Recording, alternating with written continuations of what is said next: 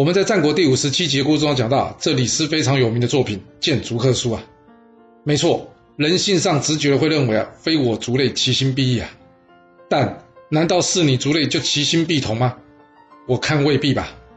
要不然要如何去解释“汉奸”这一词是如何产生的呢？那为什么大家会有这种错觉呢？因为大多数人呢都误以为只要是同一个群体啊，便会有相同利益，进而呢大家会捍卫共同利益。但现实从来都不是这样子的。